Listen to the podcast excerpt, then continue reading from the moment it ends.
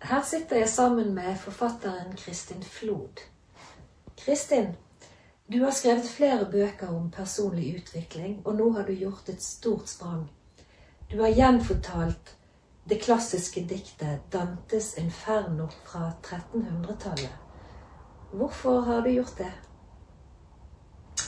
Vel, det er eh, mange grunner faktisk til at jeg har gjort det. Men jeg skal nevne noen. Og for det første så handler det jo om min forbindelse med Italia. Eh, jeg vokste opp i Norge med en italiensk mamma. Hun hadde hele mitt voksne liv et veldig nært forhold til Dante.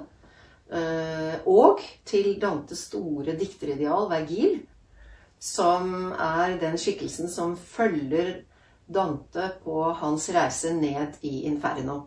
Men det skal jeg komme tilbake til. Ehm, jeg, eh, hun introduserte ikke meg for Dante, for hver gang jeg prøvde å lese litt av den teksten som hun var så opptatt av, så syntes jeg det var så vanskelig at jeg bare la den ifra meg. Ehm, men der er det jo en grunn. Og en annen grunn er jo at jeg har bodd i Italia i 30 år. Jobbet der som journalist og forfatter og kursholder. Og jeg har jo sett i den italienske kulturen hvordan italienerne eh, har, alle sammen nesten, et forhold til sin største eh, dikterskikkelse. Og det har vært veldig fascinerende, fordi alle i Italia har et forhold til Dante. Eh, og de, har, de kjenner litt eller litt mer til hans hovedverk, som heter altså Den guddommelige komedie. Eh, og Inferno er den første tredelen av Den guddommelige komedie.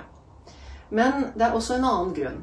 Og det er at eh, Dantes verk er et, et klassisk verk, som du sa, fra 1300-tallet. Og regnes av mange som å være det største litterære verket i vår Vestens litteraturhistorie. Det er et dikt på 5000 vers totalt sett. Og Inferno-delen er ca. 1500 vers. Det er det jeg har studert, da.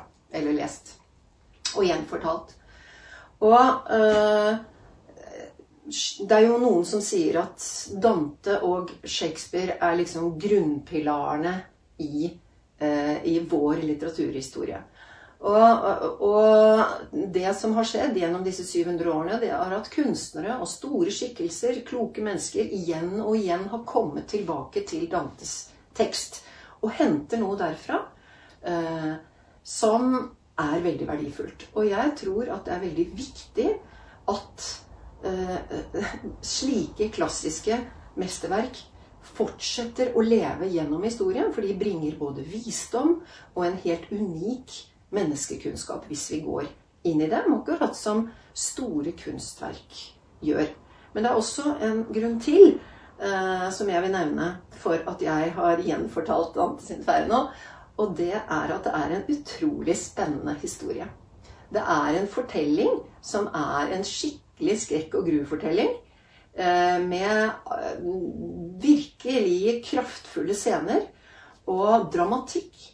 Og det er, det er jo en reise eh, som Dante gjør med sin læremester. Lenger og lenger ned mot den største demonen av dem alle, altså Lucifer. Inferno betyr jo helvete. Er dette en kristen forestilling om hva som skjer når vi dør? Altså når vi er slemme, så havner vi i helvete eller inferno. Hvis vi er litt slemme, så må vi gjennom skjærsilden. Og hvis vi er snille, så kommer vi til paradis. Hmm. Det er mange som oppfatter uh, uh, Utenfor Italia, da, de som ikke vet så mye om Den guddommelige komedie, oppfatter det som en slags uh, beskrivelse av hva som skjer når vi er ferdig med dette jordelivet. Um, og sånne mesterverk som ikke, ikke, har noe bruksanvisning, de kan vi jo tolke sånn som vi selv vil. Uh, og noen i, kristne, i, kristen tradisjon eller kristne miljøer vil kanskje oppfatte at dette er liksom Dantes beskrivelse av hva som skjer sånn som det du beskriver. Men jeg opplever det ikke sånn. Fordi for meg er det mye viktigere å, for meg personlig å ha et perspektiv som handler om at inferno er noe som foregår mens vi er i jordelivet. Og med det mener jeg følgende altså Hvis vi Mennesket har jo både lysere og mørkere tendenser i seg. Og, og det som jo er oppgaven, en av oppgavene våre gjennom livet, tror jeg, det er å hele tiden lene oss mot de lyse tendensene, eller lene oss mot lyset. Hvis vi blir tatt av de mørkere uh, delene av mennesket, og blir liksom forført inn i en atferd som ikke er bra, og som ikke er bra for andre, og som ikke er bra for oss, så havner vi i dette jordiske infernoet. Og uh, jeg mener jo at Dantes inferno beskriver uh, mye av dette, og også skaper en refleksjon for oss til å reflektere over hva betyr egentlig dette eh, i jordelivet, og ikke etter at jeg er ferdig her.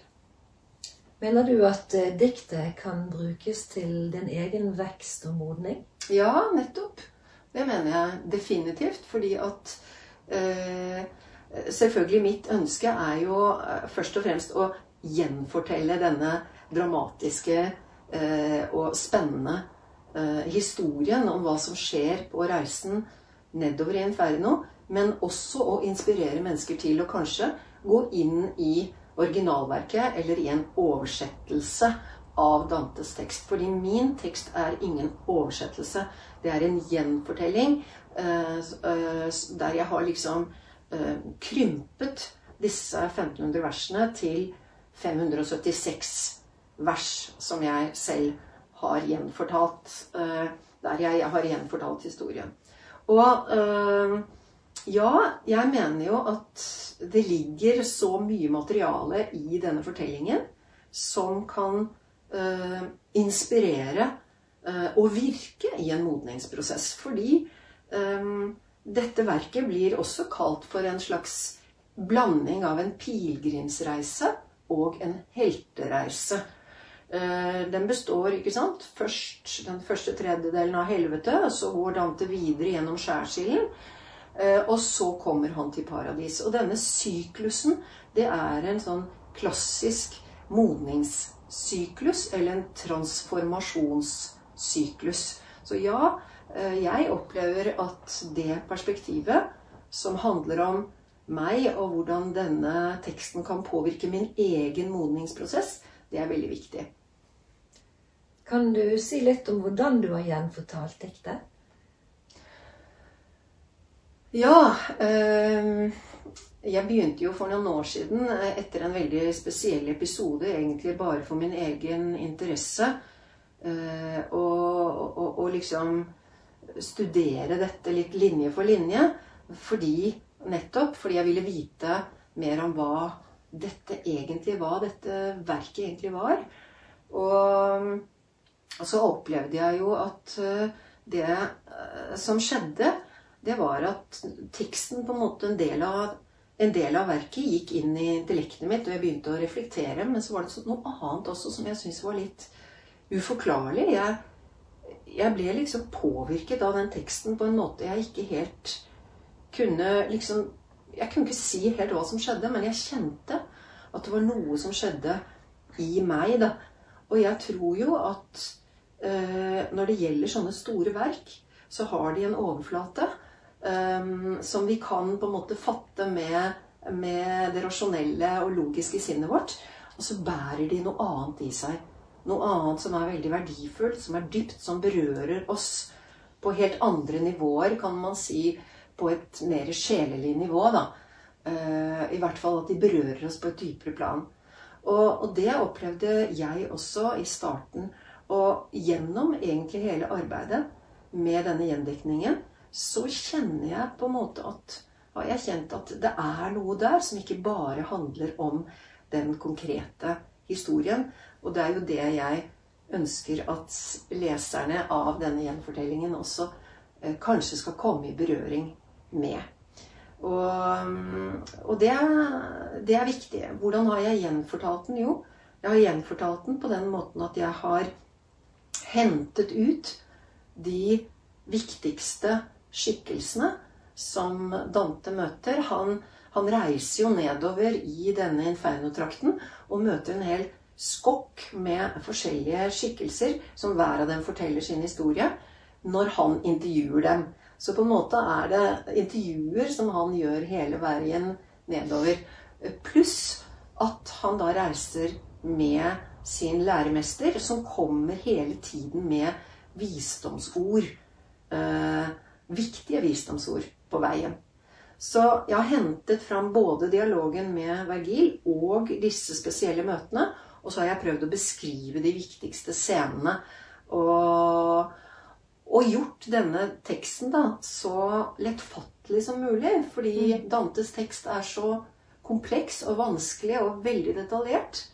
Så har jeg omformet dette til et språk, til et norsk språk.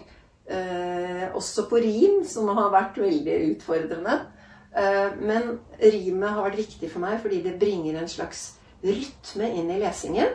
Selv om det å eh, skrive på rim i dag kanskje er helt umoderne og litt sånn uvanlig, så syns jeg det har vært en veldig viktig eh, del av arbeidet for å nettopp gi leseren en opplevelse av noe av det som Dante også gir, nemlig denne rytmen eh, og denne bevegelsen i hans tekst.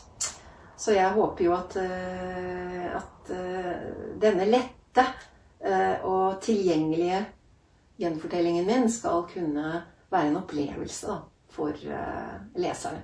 Mm. Ja. Tusen takk. Ja, takk til deg, Hilde.